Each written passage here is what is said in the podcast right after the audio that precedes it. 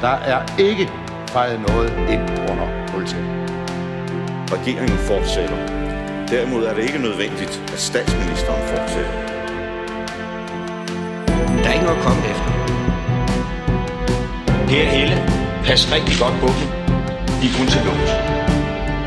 Fordi sådan er det jo. Ja, jeg kan bare sige, at der kommer en god løsning i morgen.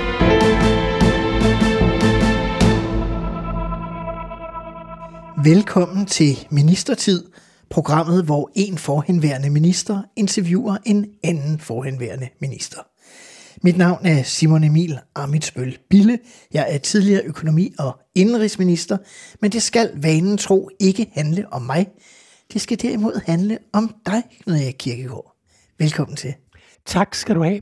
Eller skulle jeg sige tak, fordi jeg måtte komme, fordi som man måske kan høre på lyden, så har jeg bevæget mig ud fra det trygge studie, sat mig ind i den gamle SARF og kørt til Jylland, nærmere bestemt til Aulum for at interviewe dig. Og tak for en dejlig frokost og en fin kop kaffe, vi sidder her og nyder imens. Jamen, du er velkommen her i det vestjyske. Jeg ved ikke, om du nogensinde har været her før, men øh, det egner sig måske også til en gentagelse. Vi, øh, vi er her stadigvæk og er en del af Danmark.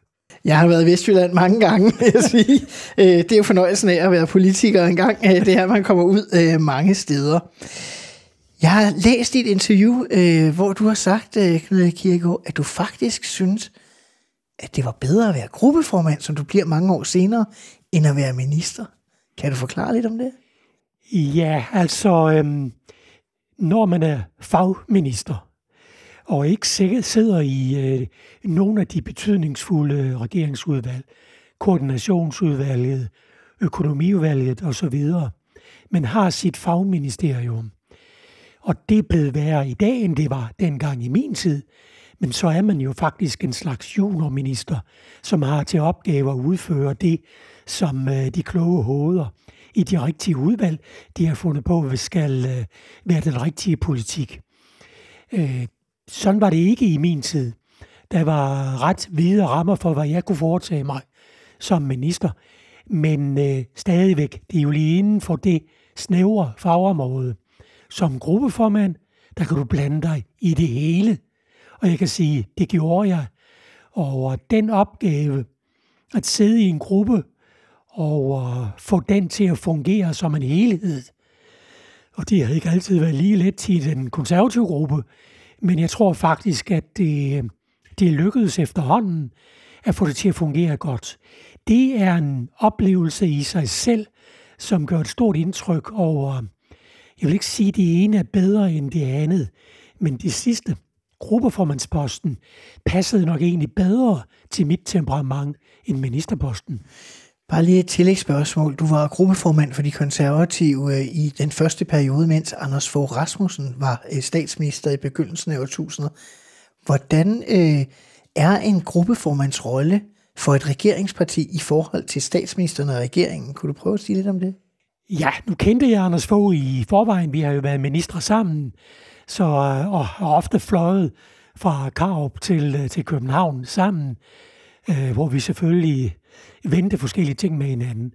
Da han så bliver statsminister, og jeg bliver gruppeformand, så øh, indførte han omgående den øh, skik, at jeg tror, det var hver tirsdag eftermiddag, der havde han et møde med Venstres gruppeformand, med de konservatives gruppeformand, og så vice statsministeren Ben øh, Benson, hvor vi sad og drøftede en times tid om, hvad der sådan rørte sig i regeringen, hvad der rørte sig i øh, grupperne, hvis der var et eller andet, der var ved at køre skævt, hvad kunne vi så gøre for at rette op på det? Det var nogle, øh, nogle gode, interessante møder, hvor øh, det er jo sådan en ting, som jeg lagde mærke til, at når man havde ordet, så tog øh, Anders Fogh sin blyant og sin notesblok, og alle de visdomsord og knap så vise ord, det noterede han ned hele tiden. Han må have en kolossal stak af notater fra alle de møder, han har deltaget i. Så man skulle passe på alligevel en lille smule med, hvad man kom til at sige. For det kunne være, at han kunne vende tilbage til det senere. Ja, ja og så skete der så i øvrigt det, og det var han ikke tilfreds med. Jeg havde jo mit gruppeformandskontor lige ved indgangen til statsministeriet. Det vil sige, når Venstres grupperformand skulle til det samme møde som mig, så havde han så for vane lige at kigge ind til mig, så vi kunne følges ad derover.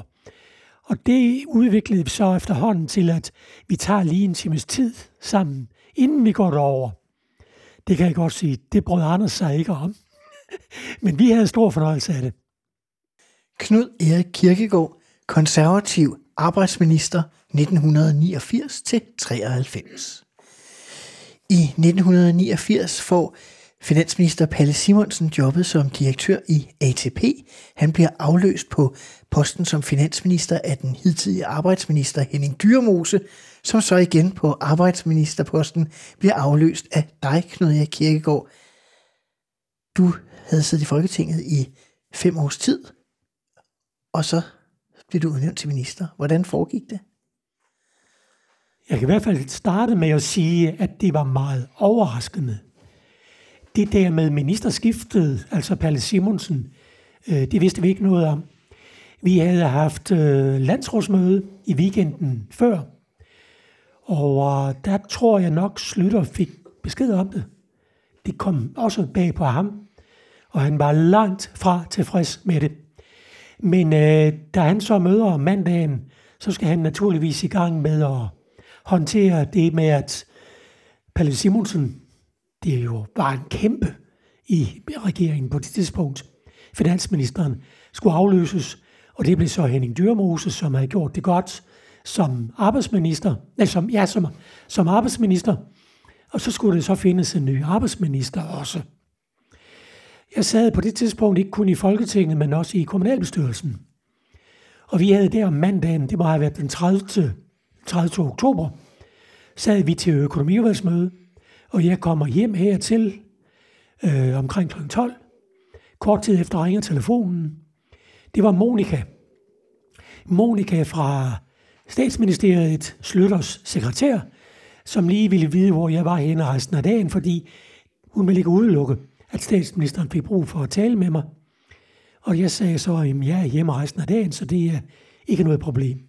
Lægger røret på igen, og så tænker man selvfølgelig, hvad i alverden er der nu galt? Har du sagt et eller andet på landsrådsmødet, der var galt, eller, eller hvad er det dog for noget, det her? For du vidste ikke, at der var en rokade? Jeg anede ikke noget om det. En times tid, så efter så ringer telefonen igen. Det er igen Monika. Statsministeren vil gerne tale med dig. Og så starter Slytter. Hallo? Han havde sådan en speciel måde at, at, at starte en samtale på. Og så sagde han direkte, ved du hvad, Knud Erik? I morgen, der skal du have dit mørke tøj med i flyet til København, for du skal med mig op til dronningen og udnævnes til at være ny arbejdsminister. Nå, sagde jeg, og det var virkelig et chok. Øh, jeg havde som egentlig ikke rigtig tid til at, at tænke mig om. Nå, jamen altså, det var så en opgave, jeg skulle løse, og det sagde jeg selvfølgelig øh, ja til. Og så siger han, øh, det der arbejdsmarkedspolitik, ved du egentlig noget om det? Så sagde jeg, jamen jeg har siddet i arbejdsmarkedsudvalget, og jeg har også deltaget i nogle møder over hos øh, Henning Dyrmose, hvor vi har forberedt øh, lovprogrammet. Jo, jamen så ved jeg, hvad jeg skal sige til journalisterne, siger Slytter. Og så vil jeg bare lige sige, klokken 17, der kommer det her i radioavisen, så hvis der er nogen, du skal have fortalt det til inden, så det er nu. Hvad var klokken? Kan du huske det? Den har formentlig været 15. Jeg ringede prompte til min far, landmand, vestjysk bonde, interesseret i politik. Han var ikke konservativ, det blev han, da han blev klogere. Øh, jeg ringede til ham og sagde, du skal lige vide, at klokken 17, der kommer det i radioavisen, at din søn han er blevet udnævnt til arbejdsminister. Og nu kommer jeg så med citatet på ravjysk. Det var, åh hegn da, åh hegn da, og så det forfærdelige ministerium. Jeg forsøgte at berolige ham så godt som jeg nu kunne, og det skulle nok gå, og, og så videre. Inderst inde var han jo pavestolt. Men det siger Veststyret jo ikke til hinanden. Øh, det var den eneste, jeg ringede til. Men jeg fandt så ud af, at jeg må nok hellere tage til København her til aften, så der ikke kommer flyforsinkelser i morgen, når jeg skal til dronningen. Og da jeg landede i Kastrup, der stod der ved trappen ned fra flyet, der stod der så en stribe pressefotografer. Jeg tænkte, hvad i alverden er der nu i vejen? Der må være en eller anden berømthed om bord her på flyet. Men det var mig, de ville have billeder af. Så det var sådan set starten på min karriere som øh, arbejdsminister. Du blev kastet direkte for medieløverne. Det må man sige. Øhm, en af de reaktioner, som øh, jeg har kunne læse mig til i, øh, i det øh, værk, der hedder Danske Ministerier på Poul Slytters tid, der står, at LO's formand Finn Thorgrimsson blev spurgt til, hvad han mente, at du skulle være arbejdsminister. Og så siger han noget i stil med, at jeg kender ham ikke. Nej. Og det havde han ret i. Jeg kendte heller ikke ham. Og det var så min reaktion, da jeg fik det, det citat øh, revet i næsen. Undskyld. Men var det ikke en meget øh, arrogant øh, bemærkning fra ham, eller hvordan opfattede du det egentlig? Jo, men øh, Finn Thorgrimsson havde en lidt speciel façon i uh, sin omgang med mennesker, som man ikke var fortrolig med. Så jeg tror sådan set ikke, der var noget usædvanligt i det. Øh, jeg opfattede det ikke som nogen fornærmelse, fordi jeg vidste udmærket godt, det var rigtigt. Han kendte mig ikke. Hvordan blev jeres forhold så? Fint. Øh, jeg lader meget, meget stor vægt på som minister at få et godt forhold til parterne på arbejdsmarkedet. Øh, og det er ikke kun arbejdsgiversiden, hvad der jo ville være naturligt for en øh, konservativ minister, men det var i høj grad også lønmodtagersiden. Det måtte jeg så lige bruge lidt mere energi og lidt mere tid på, end jeg måtte på arbejdsgiversiden. Netop for at komme rundt øh, og fortælle, at jeg var helt ufarlig. Øh, jeg var ny minister, og jeg ville meget, meget gerne lytte til, hvad de havde at sige. Hvordan så, da du øh, var blevet minister, altså du siger, det var en overraskelse for dig selv, du blev udnævnt. Hvordan blev det egentlig modtaget af fælderne i den konservative gruppe så? Var der nogen, der tænkte, det burde have været dem? Jeg er helt sikker på, at øh, man i gruppen synes, det var fint, at det var et medlem af folketingsgruppen. Fordi Slytter havde jo udnævnt nogle ministre, en tre stykker vist, som ikke var medlem af Folketinget. Og det er noget, som øh, medlemmer i en gruppe bestemt ikke øh, bryder sig særlig meget om. Øh, jeg var medlem af folketingsgruppen. Selvfølgelig var der nogle af mine kolleger, der mente, at det havde været mere naturligt, at det blev, blev dem. Vi var jo en stor flok, som var blevet valgt samtidig. Ved det store konservative valg i 84? Ja, i 84. Øh, men det blev altså mig. Og jeg har egentlig aldrig fået nogen, øh, nogen forklaring på, hvorfor at Slytter valgte mig. Og vi har jo ikke mulighed for at spørge ham. Han, han lever jo ikke mere. Øh, men øh, jeg har måske en fornemmelse af det. Jeg havde jo i fem år været ordfører på undervisningsområdet, og jeg tror, at Bertel Hårder, ministeren, vil skrive under på, at det havde gjort ganske udmærket. Ja, jeg har læst mig til, at I havde nogle, øh, nogle holmgange. Selvfølgelig havde vi det. Øh, han havde temperament, Øh, så øh, man skulle lige være op på duberne, når man tog konflikter med ham. Men vi havde et rigtig godt samarbejde, og efterhånden udviklede det sig til, at lige så snart det var en øh, sag, der var lidt kompliceret, især på folkeskoleområdet, så kom det lige omkring mig, inden han tog stillingen til den. Så vi havde det rigtig godt. Og også udadtil øh, var det efterhånden slået fast i undervisningsverdenen, at ham, Knud Erik Kirkegaard der, det var en, man kunne gå til, hvis øh, der var problemer, og det vidste Slytter også godt. Han har en enkelt gang i den periode rost mig. Det var han ellers ikke sådan øh, særlig flittig til. Er ikke kendt for heller. Nej, men jeg havde haft et øh, godt indlæg på talerstolen i øh, Folketinget, og på vej ned, der sad Slytter på sin plads. Og lige da jeg passerede ham, der sagde han, godt klaret, Knud Erik. Færdig. Og så gik jeg på plads og blev selvfølgelig 5 cm større. Øhm. Men hvorfor tror du, at din håndtering af undervisningsordførerskabet havde betydning? Jamen altså, jeg tror sådan set, at han var lidt i tvivl om, hvem han skulle vælge. Og så på landsrådsmødet, weekenden før, der havde jeg en af mine rigtig gode dage. Øh, jeg havde et godt indlæg, som øh, blev godt modtaget af forsamlingen. Og så sad jeg i et svarpanel. vi havde et indslag, der hed øh, spørgetime. Og der fik jeg en 4-5 spørgsmål på uddannelsesområdet, som der blev svaret på kontant, præcist, konservativt, bravende bifald fra salen. Slytter sad ved siden af den derværende gruppeformand, øh, Lars P. Gammelgaard, som ikke lever mere. Men han har senere fortalt mig, at da vi var færdige med spørgetimen, så havde han lige sagt til Slytter, ham Knud Erik der, ham skal vi da vist lægge lidt mærke til. Så øh, om det er forklaringen, skal jeg ikke kunne sige, men i hvert fald var det mig, jeg ringede til. Hvordan blev du modtaget over i ministeriet af apparatet? Godt.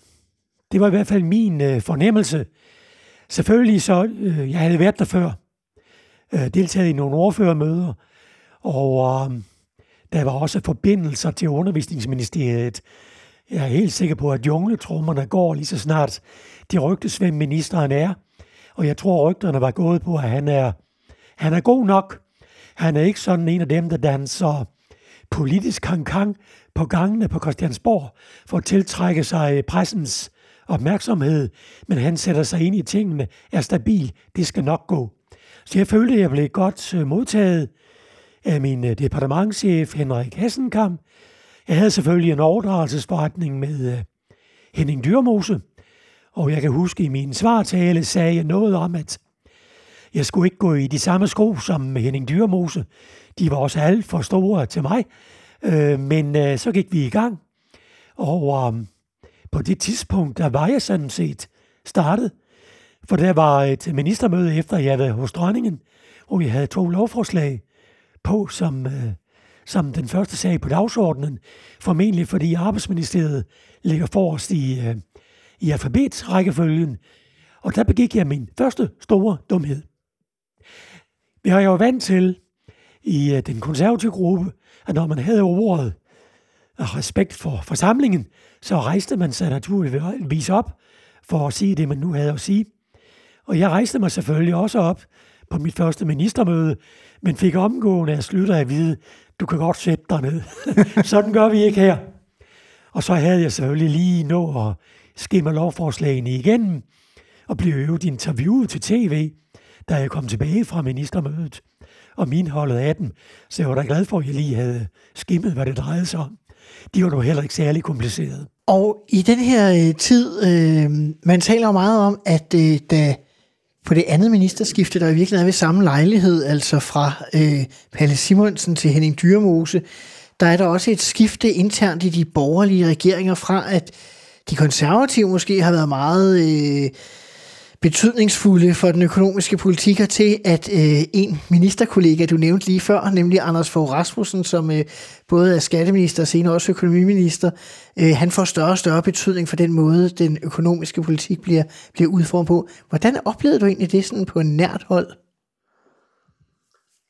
Baggrunden er naturligvis, at i statsministeriet, der er man samtidig lidt, øh, lidt øh, mindre glad for øh, Finansministeriet, fordi hvem er det egentlig, der bestemmer her? Er det øh, i statsministeriet, eller er det i Finansministeriet? Hvor Palle Simon sad og gjorde det rigtig godt, og havde et godt forhold til Socialdemokratiet, godt forhold til de radikale. Det gik, øh, det gik rigtig godt. Men så kommer Anders Fogh jo ind som skatteminister, og han begyndte jo at tale om på sine møder rundt omkring i landet, at øh, Venstres opgave i regeringen, det var både at være i regering og opposition på samme tid. Det brød slutter sig nu ikke meget om, men han sad sådan nogle politiske idéer om skattenedsættelser, øh, og så skulle man så til gengæld have nogle andre goder i stedet for, og det blev slutter meget påvirket af. Og der var en periode, har jeg forstået på Palle Simonsen, hvor han syntes, der blev lyttet lidt for meget til Anders Fogh, i forhold til øh, ham og øh, Finansministeriet. Om det var baggrunden for, at han gik, skal jeg ikke kunne sige noget om. Og Palle Simonsen kan vi jo heller ikke, heller ikke spørge i dag. Øh, men øh, det var i hvert fald sådan, som det lå. Og øh, de store planer, som blev præsenteret af regeringen på senere tidspunkter, øh, var jo i høj grad inspireret også af Anders Fogh. Og det var netop for at komme over til de store planer, at jeg stillede dig det forrige spørgsmål, Knud Erik Kierkegaard, fordi det, der kommer til at plage, man skal lige huske, at den regering, du er minister i, det er den øh, KVR-regering på det her tidspunkt, der blev dannet efter atomvalget i maj 88, og som jo er præget meget på den økonomiske politik af, at der kommer vel faktisk øh, to store øh, planer lige der, måske lige før og lige efter, øh, at du er minister, måske endda begge to efter, det kan jeg ikke lige huske i hovedet. Men vi skal i hvert fald over til den anden af dem. Vi skal ikke fortabe mm-hmm. os i den første, hvor, som er mest berømt måske for Uffe Ellemann, der talte om kassedamen, der skulle have skattelettelse afskaffelse af 6% skatten. Ja. Men i virkeligheden jo også indeholdt rigtig meget arbejdspolitik, mm-hmm. en arbejdsmarkedspolitik. Øh, kan du huske nogle af, af, af hoveddetaljerne øh, fra det? Ja, altså... Altså uden vi behøver at gå ind i... Øh, nej, endelig skal vi ikke drukne os i, øh, i detaljerne omkring det. Men altså en, en hovedidé var, at øh, finansieringen af dagpengesystemet skulle meget mere hvile i sig selv. Det vil sige, øh, arbejdsmarkedets parter primært lønmodtagersiden, skulle betale mere til dagpengesystemet til gengæld for at få skattenedsættelse. Det var en idé, som øh, Slytter var blevet optaget af, og som øh, både den nye finansminister og skatte- og økonomiministeren Hans Fogh Rasmussen var meget optaget af. Og det er rigtig 6% skatten, som i realiteten var en slags topskat. Den foreslog man, der skulle øh, fjernes. Og det gik ikke.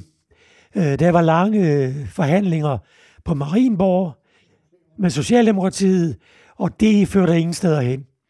Og det endte så med øh, udskrivelsen af Folketingsvalget i 1990. I december måned? Ja. Blev det afholdt i hvert fald? Og det kom jo meget til at handle om skattenedsættelse, og som det blev udlagt for dem, der tjente mest. Og så tror jeg, jeg bliver nødt til at citere min gamle far igen. Under valgkampen ringede jeg til ham, og vi havde en lille snak om det. Og så sagde han noget om det der med at sætte skatten ned for dem, der tjener mest. Det kan folk lide. Og det havde han evig ret i. Men det var det valget var udskrevet på, og det var det, man tabte et antal mandater på så tæt blev valget, at det jo var lige før Svend Auken troede, at han havde vundet. Socialdemokratiet vandt en stor valgsejr. De fik 14 mandater, ja. og det bedste valg siden 1971 frem til, og, og siden stadigvæk. Øhm, de radikale får et rigtig dårligt valg, øh, og Niels Helvig trækker sig både som politisk leder og trækker partiet ud af regeringen, der fortsætter som en topartiregering med konservativ venstre. Du fortsætter uforandret på arbejdsministerposten. Så har jeg læst mig til, at øh, du fremsætter øh, så øh, de samme øh, lovforslag, som øh, man havde haft øh, fra den daværende KVR-regering. Men pludselig er der ikke øh, helt så stor øh, opbakning fra de radikale, øh, som der havde været øh, før. Jeg har læst noget om, at Lone Dybkær var lidt mere skeptisk. Hun var blevet, havde tidligere været miljøminister og nu blevet arbejdsmarkedsordfører. Ja. Altså, jeg havde stadigvæk et godt samarbejde med, øh, med de radikale, øh, med Niels Helve Petersen, med Marianne, Marianne Hjelved, som jeg kendte rigtig godt fra vores tid som, øh, som undervisningsordfører. Jo, det er da rigtigt, at øh, de idéer, som øh, i høj grad stammede fra Magnus for Rasmussen, dem var man ikke så glad for hos, øh, hos de radikale. Man tog det nu pænt. Og øh, det er jo rigtigt, der blev ikke rigtig noget ud af det. Men i virkeligheden lå jeg i min arbejdsmarkedspolitik tættere på de radikale, end øh, jeg lå på venstre. Så du var ikke så utilfreds med de radikales øh, lidt mere øh, skeptiske linje efter Jeg var ked af, at de radikale var gået ud af regeringen. Det var der andre, der var knap så ked af. Jeg kan huske på det første ministermøde, efter at radikale var gået ud. Mens de radikale havde været der, så var det rygeforbud. Typisk radikalt. Jeg vil sige, at det er dem, der kender øh, tidligere socialminister Åse Olesen, ja. vil kende hendes meget aggressive i forhold til rygning. så det var ingen rygning. Men på det første ministermøde, det første uh, Uffe Ellemann gør, Det er, at han tager den største cigar, jeg nogensinde har set, og øh, skræller, spidser den til og så videre efter alle kunstens regler, tænder den, suger røgen ind, puster den ud igen, læner sig tilbage og siger, endelig fri igen. øh, men øh, det gav jo nogle problemer. Det, at de radikale ikke var trofaste støtter til den politik, som øh, regeringen øh, fremsatte. Og det var for mig og for regeringen en meget trist periode, fordi vi kom i realiteten ikke igennem ret meget.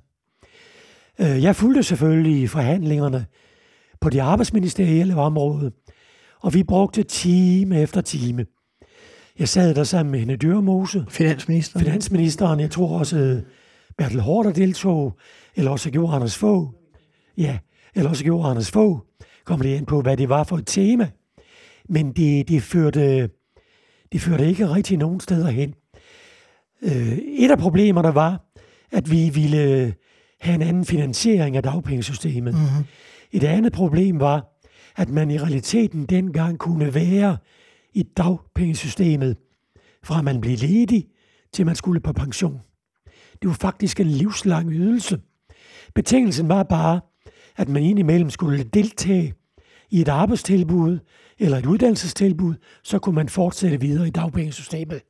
Det er et elendigt system, ud fra en hver synsvinkel. Så jeg ville meget gerne have en slutdato på dagpengeperioden. Til gengæld, så kunne man stadigvæk komme i aktivering, men det skulle for at være bedre rustet til at tage et job, ikke for at få forlænget dagpengeperioden. På et tidspunkt under forhandlingen sagde øh, jeg til Henning Dyrmose, jeg tror egentlig, at jeg i løbet af en eftermiddag kunne forhandle det her på plads med de radikale, Marianne Hjelved. Det er i orden, sagde Henning Dyrmose. Prøv. Og så tog vi en fredag eftermiddag. Det er muligt, Marianne har glemt det, men jeg har det ikke. Jeg kan dokumentere det.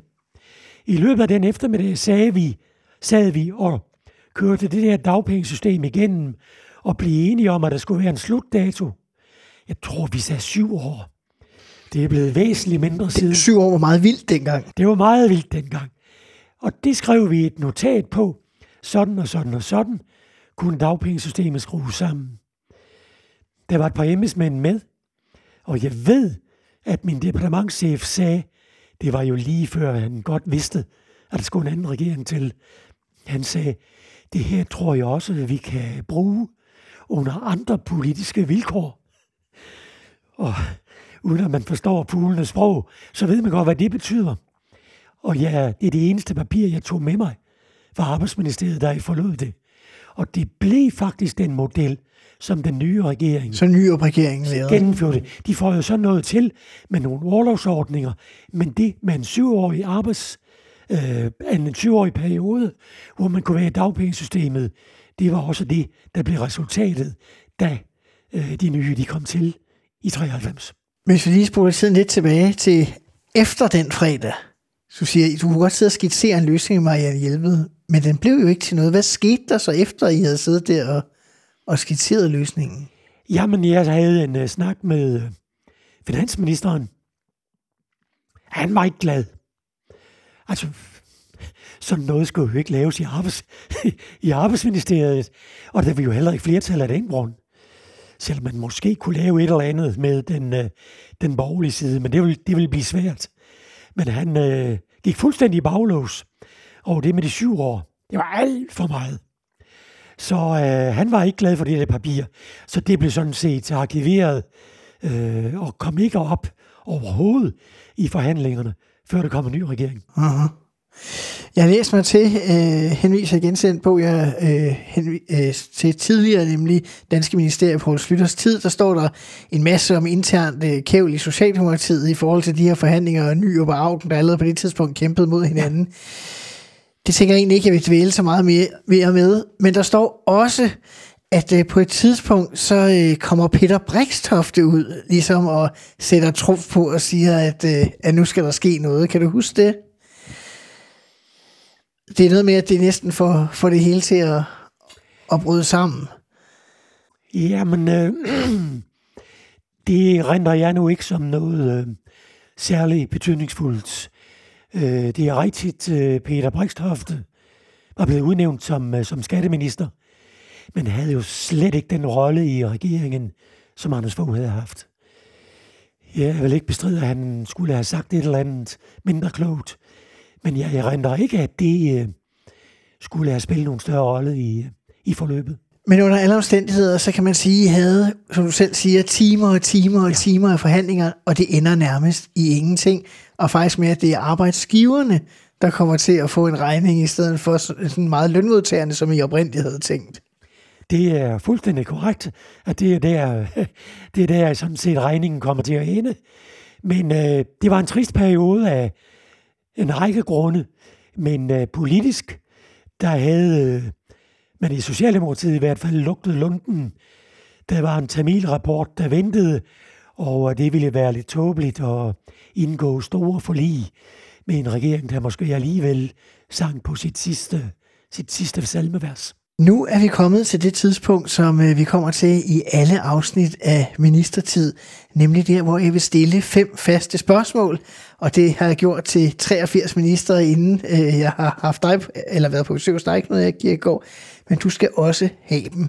Det første, det hedder, er der noget, du gerne vil have gennemført som minister, som du ikke nåede?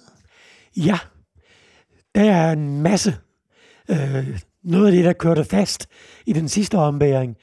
Men der var også en idé, som jeg øh, kunne lære rigtig mange kræfter i. Jeg ville meget gerne have en slagkraftig organisation rundt omkring i amterne, bygget op omkring øh, vores arbejdsformidling og så vores arbejdsmarkedsuddannelser. Jeg kaldte det for en enstrenget arbejdsmarkedsservice, så man virkelig kunne sætte ind over for de ledige og give dem nogle tilbud, som øh, der var gods i, og som der var uddannelse i, for det er den bedste kvalifikation, man kan give arbejdskraften. Det sandede til i forhandlinger med andre partier, med arbejdsmarkedets parter. Arbejdsgiverne kunne godt se ideen i det. Øh, arbejdstagerorganisationerne var vel bange for at have løbet noget indflydelse fra dem, så det kom jeg ikke igen med. Det er en skam, for de ville også i dag virkelig have været en styrke for vores arbejdsmarkedspolitik. Mm-hmm. Du sagde, der var masser af ting.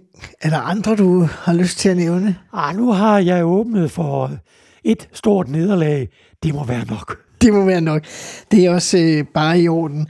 Øh, jeg tænker, øh, er der, øh, altså, hvad var den værste dag, eller det værste øjeblik i din ministertid? Jamen, det var den øh, 14. Januar 93 da Tamil-rapporten kommer. Øh, der var en forespørgselsdebat i øh, Folketinget om øh, arbejdsmarkedspolitik, rettet til øh, både finansministeren og til mig som arbejdsminister. Finansministeren blev hurtigt kaldt over i statsministeriet, for Hornslets rapport var udkommet, og Slytter havde læst så meget i den, at han godt vidste, hvor de bar hen. Så jeg måtte tage hele læsset i, i, i Folketingssalen. Det generede man nu i øvrigt ikke. Øh, vi havde en rigtig god debat, hvor jeg kan sige noget i retning af, at øh, vi diskuterede meget om aktivering. Det var der nogen, der mente, at det skulle fuldstændig afskaffes. Og hvor jeg sagde, det bliver ikke med mig som minister, at vi siger til de arbejdsløse, hjem på sofaen, kammerat, og der bliver du liggende, til vi sender bud efter dig. Det bliver ikke med mig som arbejdsminister. Det blev så øvet heller ikke med den næste, og den næste igen. Så det var den værste dag, fordi de rygtede så ret hurtigt, at øh, der var kritik, specielt imod øh, Slytter. Vi følte selvfølgelig, at det var dybt uretfærdigt. Vi var klar over, hvad det betød, og øh, det, var, det var virkelig sort.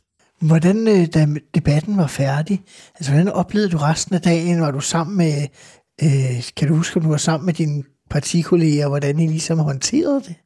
Ja, de havde jo øh, det møde med Hans Engel, Uffe Ellemann øh, og Henning Dyrmose, som øh, Slytter mente skulle overtage statsministerposten, og man forsøgte at lægge en strategi for, hvordan det skulle lykkes. Det lykkedes så i det ikke. Øh, så havde Slytter sit pressemøde. et øh, fornemt pressemøde, hvor han lagde kortene på bordet, mente, det var uretfærdigt, men øh, han var ikke i tvivl. Han skulle gå som øh, minister. Vi havde så et gruppemøde i en konservativ gruppe om aftenen, og der kan jeg huske, at der var en af mine kolleger, der sagde til Slytter, nej, hvor klarede du det er godt nok flot på det der pressemøde. Synes du det, sagde Slytter. Ja, det var jo ellers ikke så let. Det er jo sådan hans måde at, at agere på. Men altså, den dag, den var slem. Er der noget for din ministertid, du er flov over? Nej, det er der egentlig ikke. Øh, selvfølgelig øh, kommer man til at dumme sig med det ene eller det andet. Men der er ikke noget sådan, som jeg har gået og husket på siden. Øh, Måske noget, du fortryder? Nej, egentlig ikke. Men altså, vil du have svar på spørgsmålet, så skal du sikkert spørge nogen andre. øhm, har du nogensinde lavet en revkage som minister? Det kommer lidt an på, hvad man forstår ved en revkage. Øh, når man sidder og forhandler, så må man for guds skyld ikke bage revkager. Altså hvis øh, man forsøger at snyde modparten, og man så alligevel når frem til et resultat, og modparten går derfra og siger til sig selv, nu skal jeg lige huske at tælle alle 10 fingre, om jeg har dem alle sammen. Så bliver det svært næste gang. Jeg lagde utrolig stor vægt på, når jeg forhandlede, at modparten fuldstændig klart vidste, hvad det er det, vi forhandler om, hvad er det for et resultat, vi er ved at nå frem til, fordi ellers så kan man ikke næste gang. Så øh, der laver jeg ikke revkager. Men øh, jeg lavede forskellige andre, sådan i de små. Det tror jeg alle gør. Jeg kan godt nævne en af dem. Det der landsrådsmøde, ugen før jeg blev minister, der havde jeg æren af at sidde i et svarpanel. Og jeg svarede virkelig med knald på konservative synspunkter om uddannelsespolitik. Jeg fik fem spørgsmål, og jeg svarede på den. Og øh, da jeg gik derfra, der øh, tror jeg nok, det gjorde et vist indtryk. Og som jeg vist sagde før, så øh, sagde gruppeformanden til slut, at man skulle se, måske lægge mærke til ham, Knud Erik der. Hvad ikke ret mange vidste var, at jeg kendte jo spørgsmålene på forhånd. Jeg havde fundet fem, og jeg selv skrevet spørgsmålene. Så det var dem, der blev stillet. Og så skal jeg ellers lov for, der var knald på, når jeg svarede på spørgsmålet. Så måske var det en revkage, der gjorde, at jeg blev minister. Det var en fantastisk smuk revkage. det sidste af de øh, fem faste spørgsmål, det hedder, hvem var din værste kollega? Jeg havde ingen. Jeg havde øh, et godt forhold til samtlige. Så jeg vil ikke sige, at jeg havde en værste kollega. Og her taler du både minister og ordfører og så videre, medarbejdere i ministeriet. Altså, øh, da jeg blev, øh, da jeg fyldte 60, havde den politiske redaktør på Berlingeren en artikel om mig. Og han sluttede af med at skrive, og jeg er ikke se på, at han mente det som en ros. Knud Erik Kirkegaard har ingen fjender. Og sådan oplever jeg det også selv. Jeg kan ikke finde ud af nogen, som jeg har haft et dårligt forhold til. Ingen. De radikale måske? Nej. Jeg vil næsten sige, at jeg havde det bedre med de radikale ministre, end jeg havde med Venstres minister.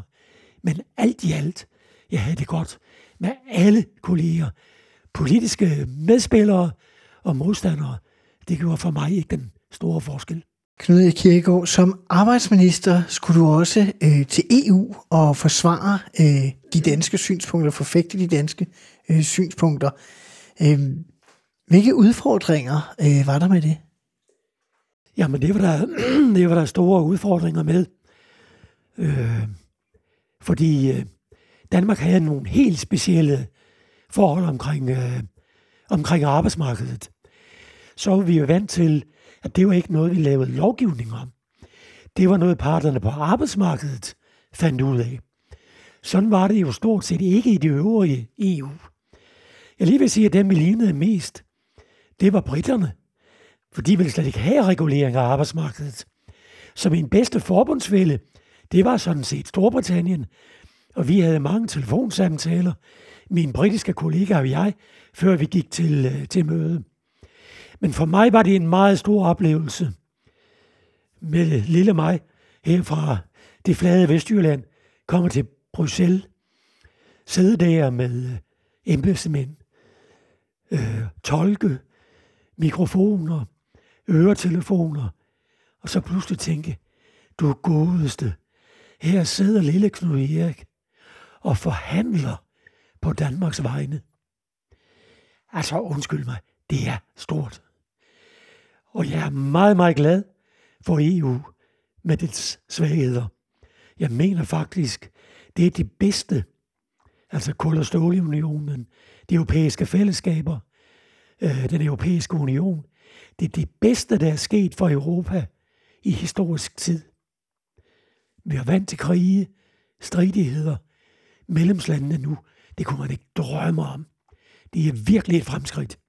Men arbejdsmarkedet, det var sandelig et problem, og det øh, krævede en koordineret indsats sammen med englænderne, men også arbejdsmarkedets parter, for de var jo også i Bruxelles. Og naturligvis vores, øh, vores embedsmænd, som forberedte tingene i Bruxelles. Og det lykkedes at komme igennem de tre halvt år uden ulykker. Og mit øh, hovedsynspunkt er stadig, det kan lade sig gøre for Danmark at blive ved med at lade arbejdsmarkedets parter regulere, så længe arbejdsmarkedets parter er stærke nok på arbejdsgiversiden, men også på lønmodtagersiden. Det kan ikke hjælpe noget, at medlemmerne svigter med svigtende medlemstal, som vi ser. Det er det, der kan ødelægge tingene for Danmark i EU. Det er ikke selve systemet. Men ser du, hvis vi bare lige tager et enkelt nutidigt spørgsmål, altså britterne har jo med Brexit øh, forladt øh, EU, altså svækker det også Danmark på arbejdsmarkedsområdet i virkeligheden, vi har mistet en vigtig allieret? Det må de nuværende selvfølgelig sige noget om, men jeg er ikke i tvivl. Det er en stor svækkelse. Øh, nu havde de jo konservative ministre, også som, som min øh, ringhed, så derfor havde vi måske nok en særlig forbindelse. Men England som sådan havde jo de samme synspunkter, at EU skulle lade landene selv ordne deres arbejdsmarked. Og det var dengang en god forbundsfælde, og det tror jeg, man mangler i dag. Du siger også det her med, at nu sad lille Knud Erik, som du selv sagde, øh, nede og skulle øh, forhandle. Det må man jo også komme over. Altså, øh, fordi et er at være imponeret, men man kan jo ikke sidde og være imponeret i tre og et halvt år, tænker jeg. Nej, men jeg var det den, øh, den første gang. Det var jo et kaos, fordi der var tog, så jeg kom for sent til mødet. Og det vil sige, at jeg fik ikke mulighed for, hvad man normalt gør, lige gå rundt og hilser på kollegerne. Jeg kom direkte ind til mødet, så det var en lidt øh, hovedkuls måde at, at starte på. Jo, det er rigtigt, man må lynhurtigt øh, komme over det, og så få nogle gode kontakter til øh, ministerne fra de andre lande. Og det lykkedes mig. Øh, også nogle betydningsfulde politikere, Jean-Claude Juncker for eksempel fra Luxembourg, Michael Howard fra, fra Storbritannien. Og så var jeg for den danske, første danske politiker, der kom til at lære, lære Angela Merkel at kende. Hun var ikke arbejdsminister. Hun var blevet udnævnt af Kohl til at være ungdomsminister. Og der havde vi en konference, hvor jeg havde øh, lejlighed til at fortælle om, hvordan vi greb de an i Danmark. Det blev hun så optaget af, at hun inviterede mig til Bonn. Og der havde vi så et øh, eftermiddagsmøde. Og dagen efter, så lånte vi et regeringsfly og fløj til Mecklenburg-Vorpommern, der var hans valgkreds. Så turnerede jeg rundt sammen med hende de lokale steder og sluttede af med et fælles øh, pressemøde, jeg tror, i Sverin. Så vi var på julekort i øh, årene derefter, øh, og jeg opdagede med det samme. Hendes arbejdsfasong, det er, at hun øh, bruger evidens. Hun er den der videnskabelige med, med, at der skal være bevis for, at tingene fungerer, inden hun hopper på det. Det var, det synes jeg er sjovt. Vi talte tidligere, Knud Kirkegaard, om, at øh, regeringen øh, falder øh, med øh, Tamil-rapporten der i 93. Der bliver dannet en ny regering, ny opdanner. Dengang en flertalsregering, man kan nærmest sige over midten, fordi de tre midterpartier havde i hvert fald på hver deres tidspunkt været medlem af de borgerlige regeringer i årtiet for inden. Øh, du skal overdrage arbejdsministeriet til Socialdemokraten Jytte Andersen. Øh, kan du huske, hvordan du oplevede den dag? Ja. Og jeg kan huske, hvordan jeg oplevede dagen før. Øh, der ryddede vi op øh, sammen med en af mine medarbejdere, mine øh, ministersekretær. Og vi gik sådan og hjalp, lod som ingenting, var ligesom jeg plejede. Øh, min ministersekretær, kvindelig, gik sådan og hang lidt med næbet, og så pludselig så siger hun, for fanden, Knud Erik, du kan da i det mindste godt lade som om, at du er ked af det.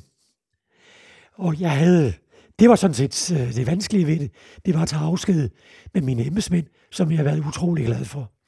Så havde jeg en udmærket overdragelse i forhold til Jytte Andersen. Så sagde jeg til en Jytte, kom lige med ind til mig, for der er lige en tre problemstillinger, jeg vil øh, præsentere for dig. Ting, som ligger og som er uløste, og som du øh, skal i gang med at løse, lige så snart du bliver minister. Og det gennemgik vi så, og jeg havde faktisk et udmærket øh, forhold til hende, selvom jeg ikke længere var arbejdsmarkedsordfører. Du er jo også, øh, så vidt jeg kan tælle mig frem til, den, skal vi sige, seneste konservative arbejdsminister, det der i dag hedder beskæftigelsesminister. Øh, hvad betød det egentlig for det konservative Folkeparti at sidde på, øh, på den post? I har jo traditionelt været knyttet til arbejdsgiverorganisationerne. Jamen, det siger jo sig selv, at den tætte kontakt til arbejdsmarkedets parter, både på lønmodtagersiden og på arbejdsgiversiden, den bliver naturligvis svækket, når signalerne nu går ikke imod en konservativ, men mod øh, den nye arbejdsminister, som jo kom fra Venstre og mente, at det skulle hedde øh, beskæftigelsesminister. I de 10 år i VK-regeringerne. Ja. ja. Øh, det øh, ved ikke rigtig hvorfor, men det er også lige meget. Øh, vi var meget forskellige, men øh, det kørte jo ganske udmærket, og så blev det øvrigt Lars Barfod, der måtte tage overførerposten. Men på et tidspunkt, efter du er minister, så bliver du faktisk arbejdsmarkedsordfører igen. Øh, og det er jo altid sådan en klassisk diskussion. Øh, kan man være ordfører på et område, man har været minister? Hvordan håndterede du det? Jeg mener i princippet, at man skal sige nej til at blive ordfører på et område, hvor man har været minister. Det vil give for mange problemer. Men i det tilfælde her, der var det gået fem år. Og øh, der følte jeg i hvert fald, at øh, nu kunne jeg godt. Og øh, jeg havde et øh, fint forhold til den nye arbejdsminister, som kom udefra, Ove Hygum, Socialdemokratisk, Socialdemokratisk arbejdsminister. Og jeg var arbejdsmarkedsordfører, og sad naturligvis til en øh, lang stribe forhandlingsmøder, fordi øh, han forhandlede til den borgerlige side. SF var ikke med til nogen forlig, der var blevet lavet, så de var ikke med i forliget. De bad så mindelig om, at de måtte få lov til det, men de spillede ikke nogen rolle, fordi de havde ikke vetoret i det der forlig. Men det havde Venstre, det havde de konservative, så derfor spillede vi en rolle. Men vi havde et konstruktivt samarbejde om dagpengesystem, om efterløn, og så videre, og så videre. Og indgrebet i overenskomsterne i 98. Den store gærstrække. Ja, hvor jeg tror nok, at jeg var en lille smule hjælpsom. Forstået hvordan? Jamen forstået på den, at øh, det er klart, at jeg havde mine kontakter til, til arbejdsgiverne, og var med til at fortælle Ove Sygum, hvis I vil have en model, som bliver slugt af begge parter, så var det måske en idé, I kiggede på den og den paragraf. Aha. Hvad, når du så sad derovre til møderne, så sad du der med dine tidligere embedsfolk. Var det, var det sådan mærkeligt en gang imellem? Det var skægt. Ja, det, jeg nød det. Og det tror jeg sådan set også, de gjorde. det er klart, det er en balancegang. Øh, de ved, der ligger grænser for, hvad, hvad, hvad, hvad, hvad de kan, hvad de kan sige til mig, og jeg må selvfølgelig under ingen omstændigheder misbruge en viden, jeg har internt fra mit gamle ministerium. Men jeg mener, vi balancerede fint, uden at det gav nogen form for problemer. Så øh, øh, Øh, det kan godt lade sig gøre, men det kræver altså, at man øh, lægger lidt bånd på sig selv, og det gælder for embedsmændene, og det gælder for, for ministeren. I dag er det lidt anderledes, fordi nu har alle ministre jo næsten øh, et antal hjælpepædagoger, der vil bringe kluder i sådan et system. Men øh, det må de jo råde med nu om dagen. Knud Kirkegaard, det bliver det sidste ord i denne udsendelse. Tak fordi jeg måtte øh, komme over og interviewe dig. Selv tak. Og til lytterne skal jeg sige, at øh, på fredag så sender jeg øh, som sædvanlig ministertid live, hvor jeg har debat om aktuel politik med forhenværende ministre. Og på næste søndag er jeg på plads igen med endnu en gang klassisk ministertid, hvor vi skal høre en forhenværende minister fortælle om sin tid i regering. Mit navn er Simon Emil Amitsbøl Bille. Tak for i dag og på genhør.